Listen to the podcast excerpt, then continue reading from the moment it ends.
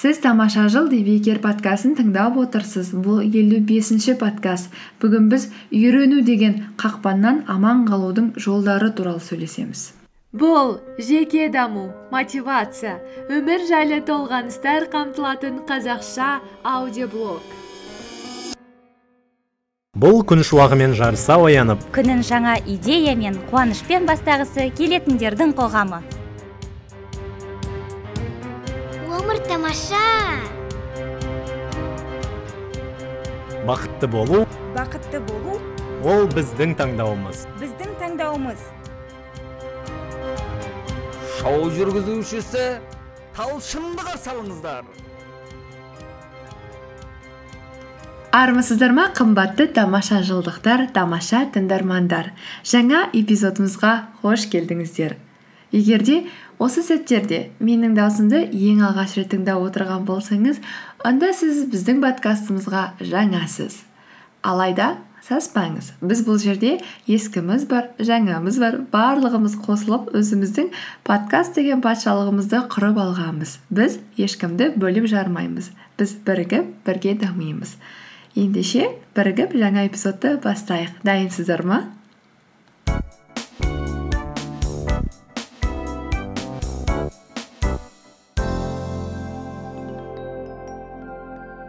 Жақында есіме бір оқиға түсіп кетті және сол оқиғаға негізделе отырып бүгінгі эпизодымды жүргізгім келеді. Бірнеше жыл бұрын мен америка құрама штаттарына магистратураны бастамастан бұрын тілдік курстарға аттанған болатынмын. Сөйтіп мен пенсильвания штатындағы филадельфия қаласына бардым. Филадельфия ол өте тарихи тамаша қала. Америка құрама штаттарының ең алғашқы астанасы ол жерде ту да бекітілген конституция да сол жерде жасалған өте тамаша қала. Бүгінгі әңгіме ол жайлы емес сол оқиға туралы болмақ. Сөйтіп мен ол жерде тілдік курстарда оқыдым. Ыыы күнделікті өмірде көп сөз үйренуге тырыстым. Көп кездесу форум жиын мастер класс тренинг барлығына барып жүрдім. Алайда біраз уақыттан кейін бес алты айдан кейін өзімнің ішіме үңіліп қарасам сондай ештеңе білмейтін сияқты болып көрінді. Және оның себебін білгім келді. Көп оқимын көп тырысамын бірақ та себебі қайда не үшін ол болмайды деген сұрақтар көп мазалады. Және өзімнің бір сүйікті мұғалімім болған сол кісіден барып сұрағым келді. Қымбатты мұғалім сіз маған бәрін білесің грамматикаң күшті деп айтасыз мақтайсыз. Бірақ нәтиже қайда? Түсінбеймін деп. Және бір тағы мақсатым сол жерге бір магиялық таяқша іздедім ба? Сондай болды өйткені ішімде бәрі бар сияқты да бірақ та сыртынан қарағанда ештеңе жоқ сияқты. Сондай бір проблема болды. Түсініксіз. Ойладым. Мүмкін бәлкім психологиялық бір проблема бар шығар барьер бір сол затты алып тастағаннан кейін бәлкім мен өзім білетін затты қолданып та біле үйренетін болармын деп. Сөйтіп есікті қақтым.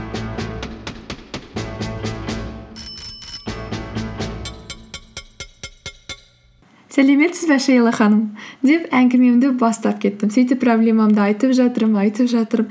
Ішімнен ойлап қоямын сол бүкіл грамматикалық проблемамды шешетін бір бес алты грамматикалық кітапты беріп мен жібере қоятын шығар деп. Сөйтіп ол кісі тыңдап тыңдап болғаннан кейін бір кезде маған айтады талшын it's time to swim in the ocean деп. Яғни сенің ашық мұхитта жүзетін уақытың келді деп. Мен түсінбедім. Мұхит қайдағы жүзу?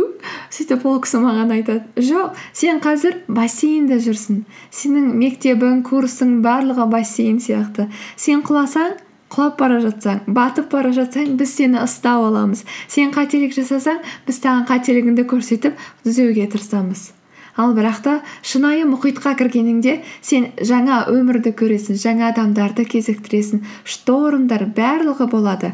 Бірақ сол оқиғалардан өте жүріп барлығын көре жүріп сен тезірек дамисың тезірек өсесің. Иә саған қиын болуы мүмкін. Бірақ ол бассейнге қараған кезде мың есе қиын болса да бассейннен қараған кезде мың есе жақсырақ және мың есе тезірек үйренесің деп. Сөйтіп мен шығып кеттім.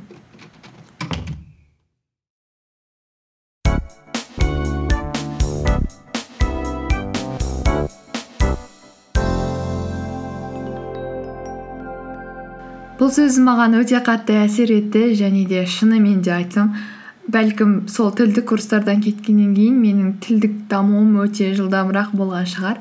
Әрине үйренген кездерім мектеп ол өте жақсы көмектесті ол өте үлкен база бірақ сол базаны қолдану және де ары қарай оны тезірек дамыту акселерация жасау үшін әрине сыртқы қоғам көп әсер етеді екен.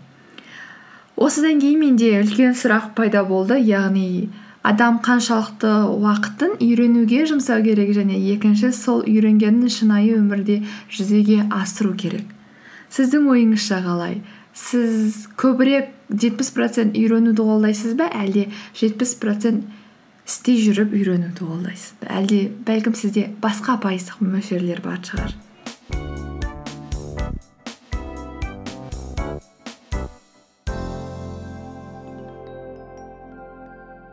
Осы ретте меніңше әсіресе қалаларда біз үйренудің қақпанына кейде түсіп қалатын сияқтымыз. Қандай қақпан деп ойлайсыз?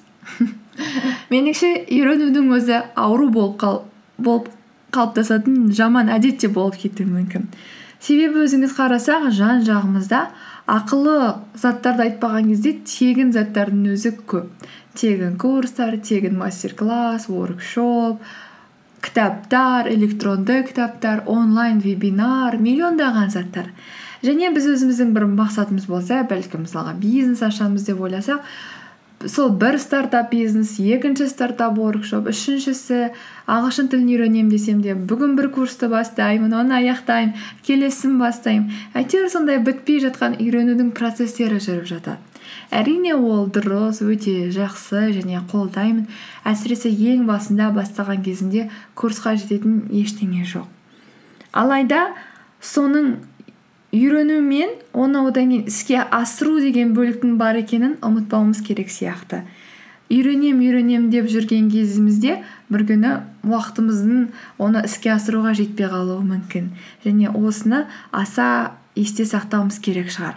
Бұл менің өзіме де қатысты себебі сондай мүмкіндік көп сондай заттар сондай білмеймін бір үйренуге деген құлшыныс алайда іске асыру жағына келген кезде кейде прокрастинатор болып қалатыным тағы бар.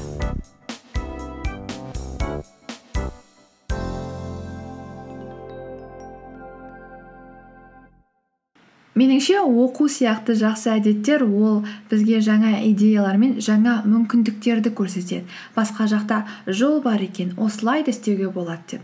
Алайда соны іске асыру яғни біздің іс әрекетіміз нағыз білімді нағыз үйренуді нағыз жетістікті тудыратын ең керек зат деп ойлаймын. Сондықтан үйрену мен үйренуден кейін болатын затты бөле бермей үйрене жасай жүріп істей жүріп үйренуді де қоса алғанымыз бәлкім дұрыс болар.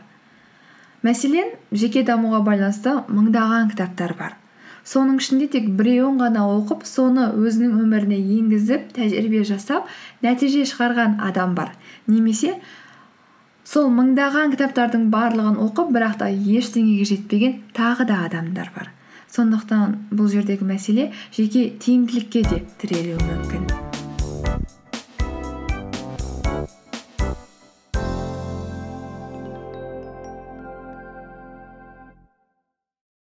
Білесіз бе тағы да мен ойлаймын кітаптарды оқу тренингтерға тоқтамай бара беру оның барлығы танымал болып жатуының себебі ол өте оңай. Ол жерге біз барамыз шалқайып отырамыз жазамыз тыңдаймыз жазбауымыз да мүмкін. Сөйтіп рахметімізді айтамыз да шығып кетеміз. Сосын шығып кеткеннен кейін өзімізді өте тиімді тамаша адам ретінде сезінеміз. Себебі біз сондай тамаша іспен айналыстық. Алайда сол айтылған заттарды өмірде енгізу және оны істеу ол екінші әңгіме және ол жай тыңдағаннан қараған кезде екі есе он есе жүз есе қиын болуы мүмкін және көбірек уақытты да талап етеді. Дүкенге барып өзіміз қалаған кроссовканы сатып алу киімді дайындау ол сондай оңай және тамаша. Ал сол киімді киіп үйіңіздің есігінен шығып ары қарай жүгіру ол екінші мәселе.